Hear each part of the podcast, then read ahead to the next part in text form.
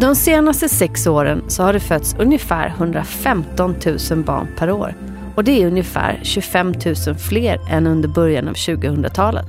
Det innebär att man fram till 2022 behöver bygga 390 grundskolor och 40 gymnasieskolor. Och de närmaste tio åren så behövs över 700 nya förskolor.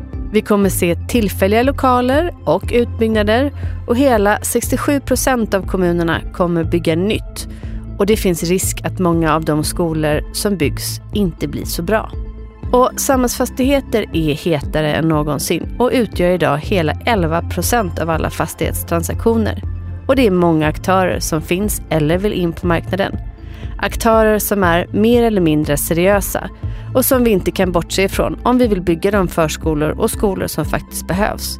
För det är ju sju av tio kommuner som har brist på skola. Men det finns goda förebilder på privata aktörer. Ett exempel är nystartade Bilda, en del av Svea Fastigheter som drivs av Christer Holger. Och för ungefär sju år sedan så startade han tillsammans med ett gäng pedagoger Skaparskolan i Huddinge. Och innan man flyttade in i skolans nuvarande lokaler så hade man testat de olika pedagogiska lärsituationerna i tillfälliga lokaler. Och utgångspunkten var att känna mod och stolthet kopplat till det aktiva och digitala lärandet för såväl elever som lärare. Ett koncept för lärmiljö som Christer nu tar med sig i sitt fortsatta arbete.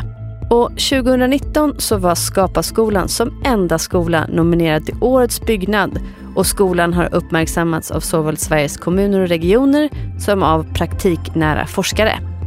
Men vad är det då som gör att Skapa-skolan skiljer sig från mängden och varför är den intressant? Vad är grundtanken med ett kollaborativt aktivt lärande och hur återspeglas det i den fysiska lärmiljön? Nu kör vi!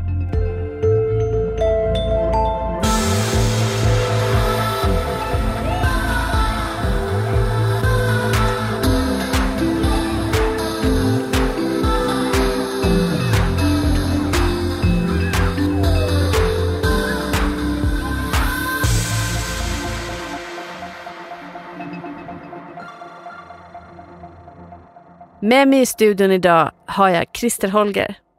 Välkommen Christer, kul att ha dig med. Hur är läget? Tack så mycket. Eh, det är jättekul att vara här och eh, läget är fint. Jag ser fram emot att få prata om skola och lärmiljö. Och Skapa-skolan är ju en, en, väldigt speciell skola. Kan inte du berätta lite grann om er grundläggande pedagogiska tanke och hur det manifesterar sig i skapa skolan? Jo, eh, vi drog igång 2013 och hade redan från början den här idén om att eh, lärande och skola ska vara meningsfullt. Eleverna ska uppleva det de gör i skolan som angeläget. Och eh, någon del i skolan får hela tiden gärna också skapa någonting som kommer någon annan till del. Eh, vi kallar det för värdeskapande lärande. Så det handlar om att eh, elever i skolan också blir någon form av producenter och känner att det de gör därigenom känner att det som de gör är viktigt. Och jag, jag tänker också att vi, vi, tar med oss då att man lär sig kunskaper, eh, fakta, men också förmågor. Och eh, det är också en personlig utveckling som eh, vi ser är väldigt viktig, som behöver ske. Jag tänker just det här med mod som ni beskriver också. Att, att genom att man framställer och kommunicerar kunskap så, så ökar man ju modet också, eller hur? Mm.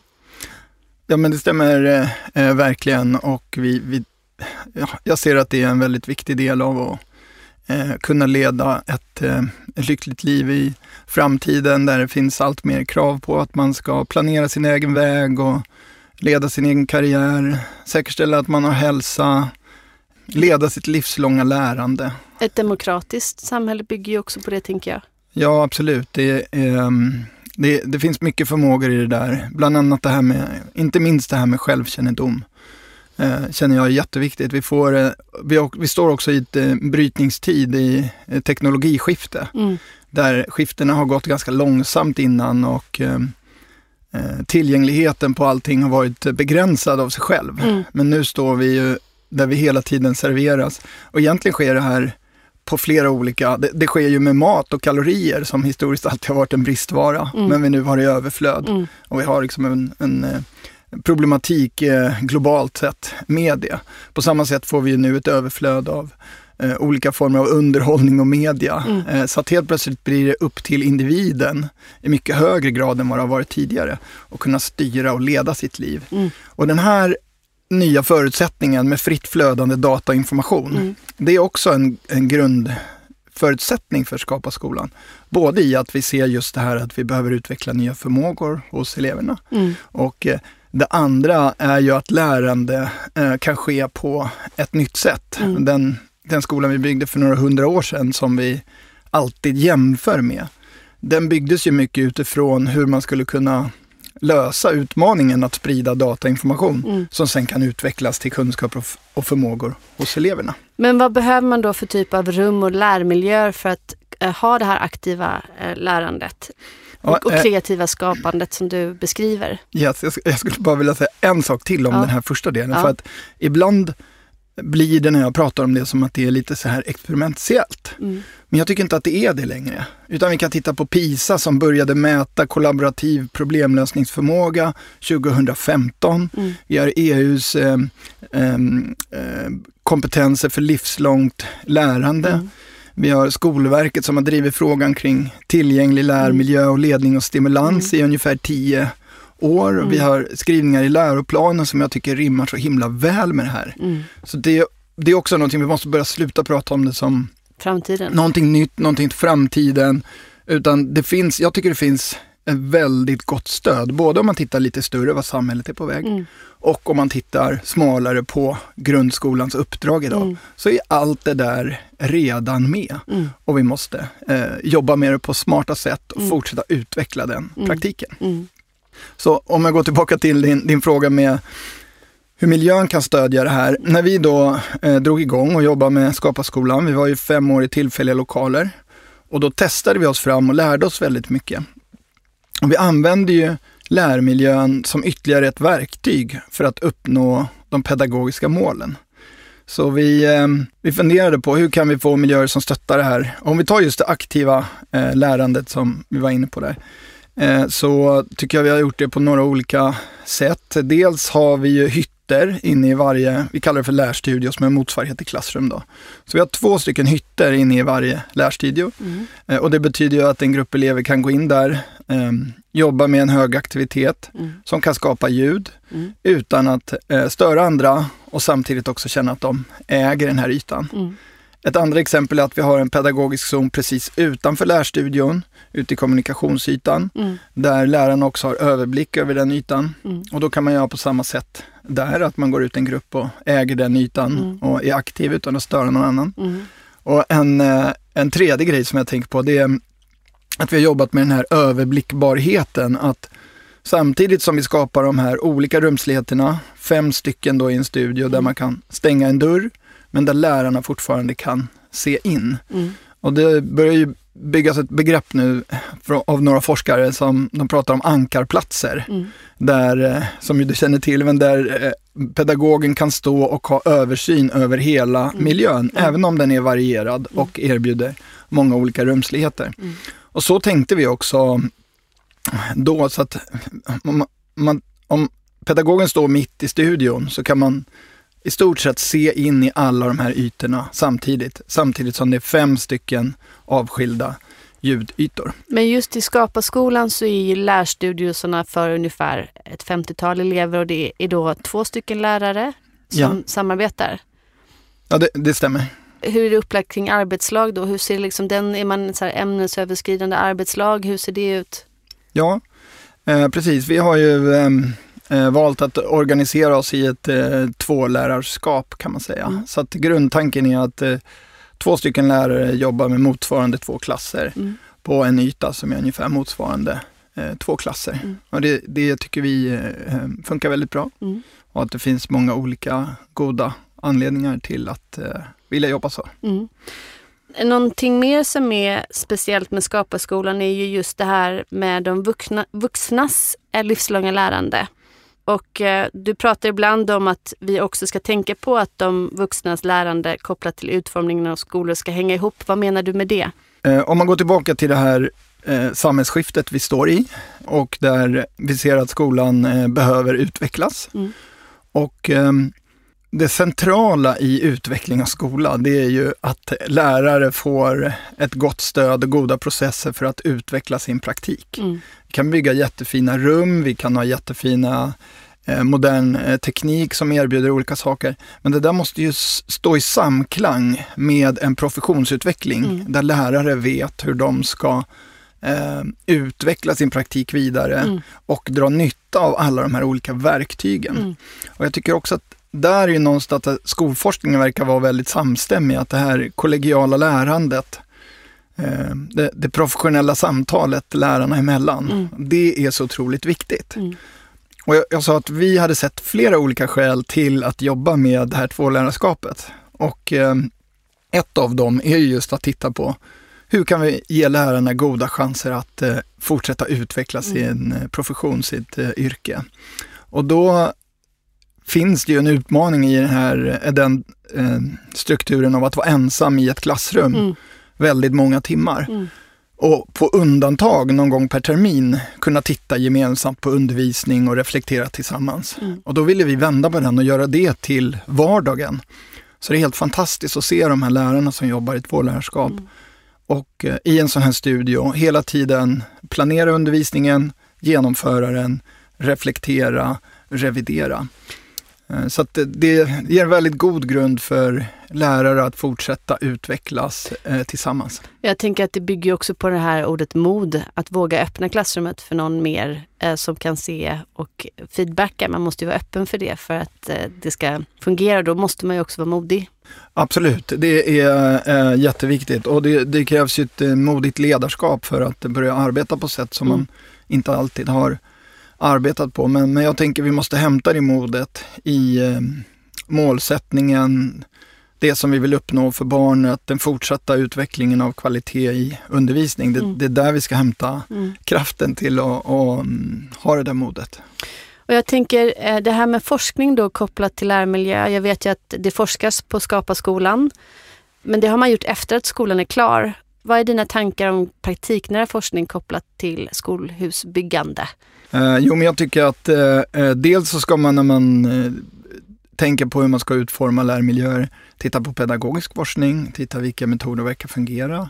Kooperativt lärande som, jag, eh, som är en viktig del av det vi gör på eh, Skapa-skolan till Mm. exempel. Eh, det vet vi bra, det är väl beforskat. Och då kan man fundera på hur kan vi stötta den typen av undervisning som vi vill bedriva Mm. i de miljöer Mm. som eh, vi har. Eh, sen är det klart att man ska titta på all den forskning som, som finns ehm, och, och se vad är det som verkar eh, driva kunskapsinlärning, eh, trivsel, eh, trygghet, arbetsfokus. Mm. Så det är klart att det är ett jobb för alla vi som jobbar med att utforma lärmiljöer Mm. att också följa forskningen nära. Och det är ju bra att ny forskning görs. Mm. Och som du var inne på så görs det ju ett, ett forskningsprojekt nu med eh, Högskolan i Gävle som är finansierat av SKR och eh, ska bli klart 2022. Mm. Där man tittar på Bobergsskolan i Stockholms stad som är relativt nybyggd och eh, Skapaskolan. Mm. Och tittar på hur kan man dels organisera verksamheten och dels eh, utforma lärmiljön på ett sätt som eh, stöttar det som man vill uppnå pedagogiskt och de mål man har. Det är intressant att du nämner det för vi har pratat med de som har ritat Bobergsskolan och deras rektor i ett annat avsnitt av Ja. Lärmiljöpodden. Ja, vad roligt. Och de är, man kan väl säga så här att det som är gemensamt för Skapa skolan och Bobergsskolan är ju starkt ledarskap. Och Mm. att en, en verksamhetsförankring i lokalerna. Men de är ju väldigt olika. Så det blir spännande att höra vad, eh, hur den här studien resulterar. Men Mm. som sista fråga tänkte jag fråga. Vad tycker du då att Sveriges kommuner måste tänka på och göra för att vi ska hinna bygga de skolor som vi behöver? Och hur ser vi till att det blir bra? Eh, jag tänker att eh, ska man säkerställa att man bygger bra miljöer så tror jag att mitt bästa råd är att hitta en eh, kunnig samarbetspartner att jobba med. Och då tycker jag att det är tre saker man kan fundera på. Det första är att säkerställa att det är någon som är insatt i skola, skolutveckling och lärmiljö och, och gärna har varit i den där eh, miljön och har egna erfarenheter som man kan ta med sig.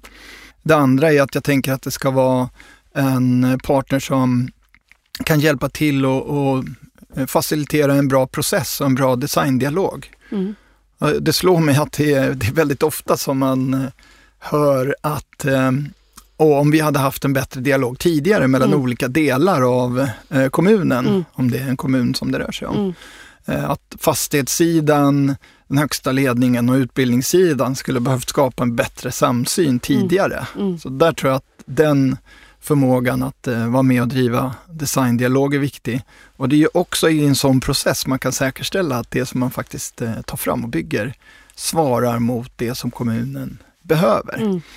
Eh, och eh, det tredje är väl att det här är en partner som är eh, långsiktig, så att man verkligen är in together om man säger så. Att man vet att det som vi tar fram här, det kommer vi att eh, committa och eh, verka kring tillsammans under en, en lång tid. Mm. Så det är väl mitt råd, att hitta en, en bra partner som är expert på skola, kan vara med och driva en designdialog och gärna vill vara med tillsammans med kommunen under lång tid. Jag tänker att det rimmar egentligen med Skapa skolans grundläggande filosofi. Just det här med det kommunikativa och eh, att man eh, har mod att kommunicera och ta de där tuffa frågorna tidigt i skedet så att man eh, har ett förankrat, en förankrad målbild, tänker jag. Det handlar mm. ju om kommunikation.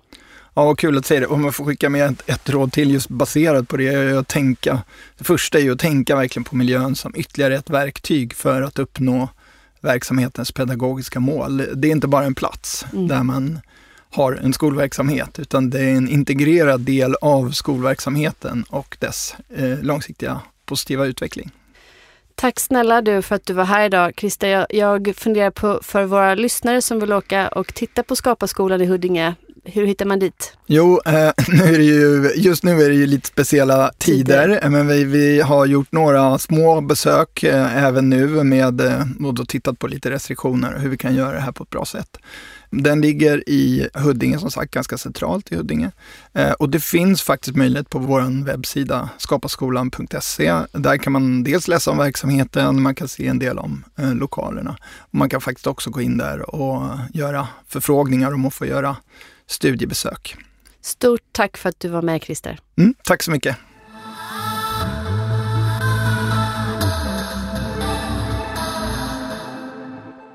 Dagens sidekick är OVLs Fredrik Drotte. Och Fredrik är till vardags affärsområdesansvarig för stadsutveckling med ett förflutet som stadsutvecklingschef i Upplands Väsby. Och han har stor erfarenhet av inkluderande dialogprocesser och stadsplanering kopplat till barn och lärandeperspektiv. Hej Fredrik, kul att du är med! Hej, jättekul att vara med.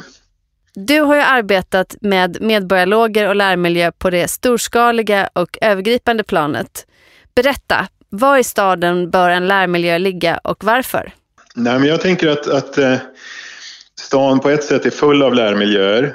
Eh, man kan ju tänka på det som en skola eller en förskola men man kan ju lika väl tänka på det som en skolgård eller en lekplats eller en, en eh, naturmiljö på något sätt eh, som också kan vara en lärmiljö. Och eh, ja, men för, för, mig som stadsutvecklare så, så, är det viktigt att se alla de här egentligen som naturliga mötesplatser för stadens invånare. Och jag tror att det är viktigt att när vi tänker verksamheter att vi också ser på det på det sättet. Eh, och gör man det, då planerar man staden utifrån dess mötesplatser så att säga. Här finns det ett läge för en bra mötesplats och det skulle kunna vara en skola där det till, till eh, vardags normalt drivs skolverksamhet men på kvällar och helger eh, fungerar som en annan mötesplats som skolgård eller som lokal. Så att jag tror att rätt planerad så, så kan staden vara full av mötesplatser som kanske normalt ses som lärmiljöer men som annars är är mötesplatser med nytta långt över liksom dess lärande grundändamål. Så. Och det här med hur man färdas till en skola kopplat till bostaden tänker jag också är någon typ av lärande och man ska lära sig att vara autonom när man förflyttar sig genom en stad till en skola till exempelvis, eller hur? Ja, eh, verkligen. Att säkra skolvägar brukar ju vara som projekt i sig för att prata om säkerhet och trygghet men det är också eh, någonting som har med att, att växa upp och lära sig samhället att göra. Sen kan man vidga den frågan, eh, tänker jag, om jag får tillfälle att göra det. Och det, det, är liksom lite det här med, om man ska vara krass, så är närhetsprincipen för skolor eh, borta i och med det fria skolvalet. Vilket ju gör att vi ju skjutsar våra barn i mycket större utsträckning och tappar lite av det där perspektivet. Och vi tappar också, tycker jag, det perspektiv som handlar om att placera en skola mellan två olika bostadsområden av olika karaktär eller olika socioekonomi för att det får en samhällsfunktion. Den tappas också bort i det där. Därför är det ju svårt att utveckla stad utifrån den aspekten så som re regelsystemet ser ut idag mm. och det här med, med närhetsprincipen. Men det kan ju förändras. Så därför tror jag att ska man tänka långsiktigt stadsutveckling ska man nog fortsätta ändå tänka eh, att, att skolor kan ha en integrerande verkan mm. och att skolvägar eh, är viktiga att tänka på mm. för, för, för gång och cykel. Mm. Och för att knyta an då till barnen som använder de här skolvägarna i staden. Eh, du har jobbat med medborgardialoger och jag funderar på barnen. När i processen ska man inkludera deras röster och hur? Ja, men det, det är ju egentligen så, skulle jag säga utifrån egen erfarenhet, att när som helst kan man inkludera barns röster. Eh, man kan inkludera dem i ett tidigt generellt skede när det inte eh, är fråga om någon specifik skola utan generellt kring, kring utveckling i samhället.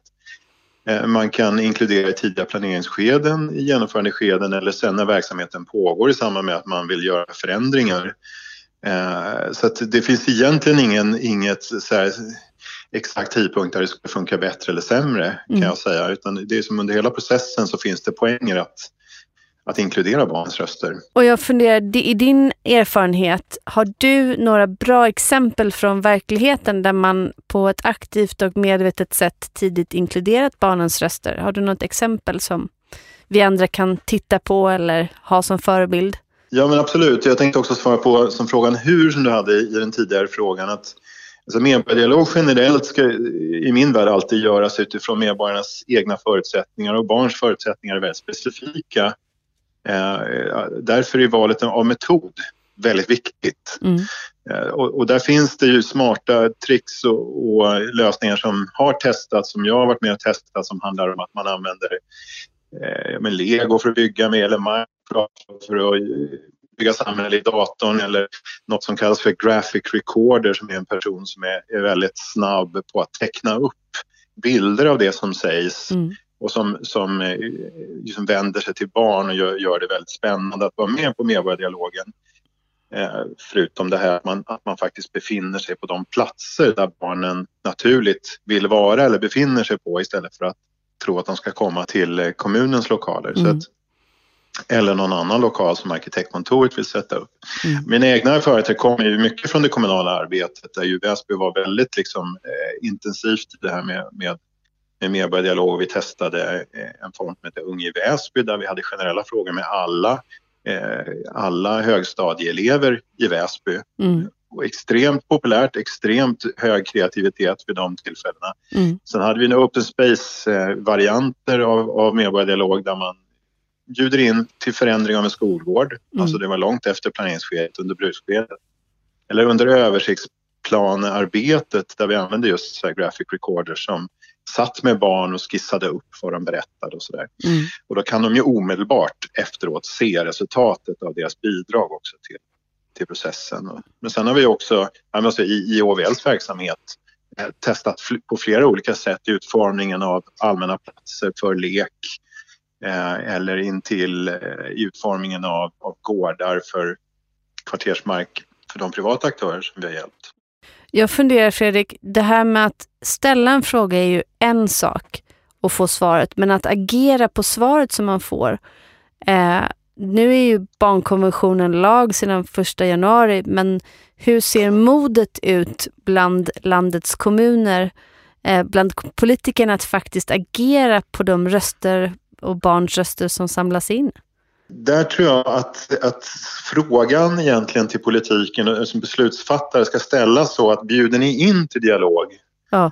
då måste ni också vara beredda på att ta konsekvenserna av dialogen och då måste, då måste man som beslutsfattare eller som kommunal organisation eller konsult sätta sig ner först och fundera på hur tar vi hand om vissa konsekvenser? Mm. Eh, så att, så att, man har det med sig. Det kan handla om, man kan gå så långt som medborgarbudget, att vi sätter av en peng nu och det, det man kommer fram till, man röstar om och så vidare, det, eh, bland barnen eller, eller medborgare, det är det vi ska genomföra. Mm. Så att, eh, jag tror att man måste vända på den steken så att man måste ha klart för sig från början att väcker man ett medborgarintresse då är det ett ganska stort jobb att ta hand om det material som kommer ut ur och det måste man måste man vara beredd att göra och redan ha en klar uppfattning om hur. Och en budget för såklart. Och en budget för blir det ju då. Mm. Mm. Ja men gud vad intressant. Och verkligen roligt och viktigt att få med dig i den här podden, Fredrik. Jag hoppas att vi har anledning att prata igen om skolans placering i staden och fördjupa oss kanske under ett längre avsnitt längre fram i podden. Det hoppas jag också. vore superkul. Stort tack! Stort tack själv! Lärmiljöpodden är en podd av OVL Arkitekter. Och idag har vi lärt oss mer om skolans rum för aktivt lärande och hur de kan möta krav på kreativt skapande och lärande. Och vi vet var i staden en skola bör ligga och när i processen man ska inkludera medborgare i allmänhet och barn i synnerhet. Det var allt från oss idag. Glöm inte att följa oss i sociala medier och under hashtaggen Lärmiljöpodden och på awlark.se. Vi hörs nästa vecka.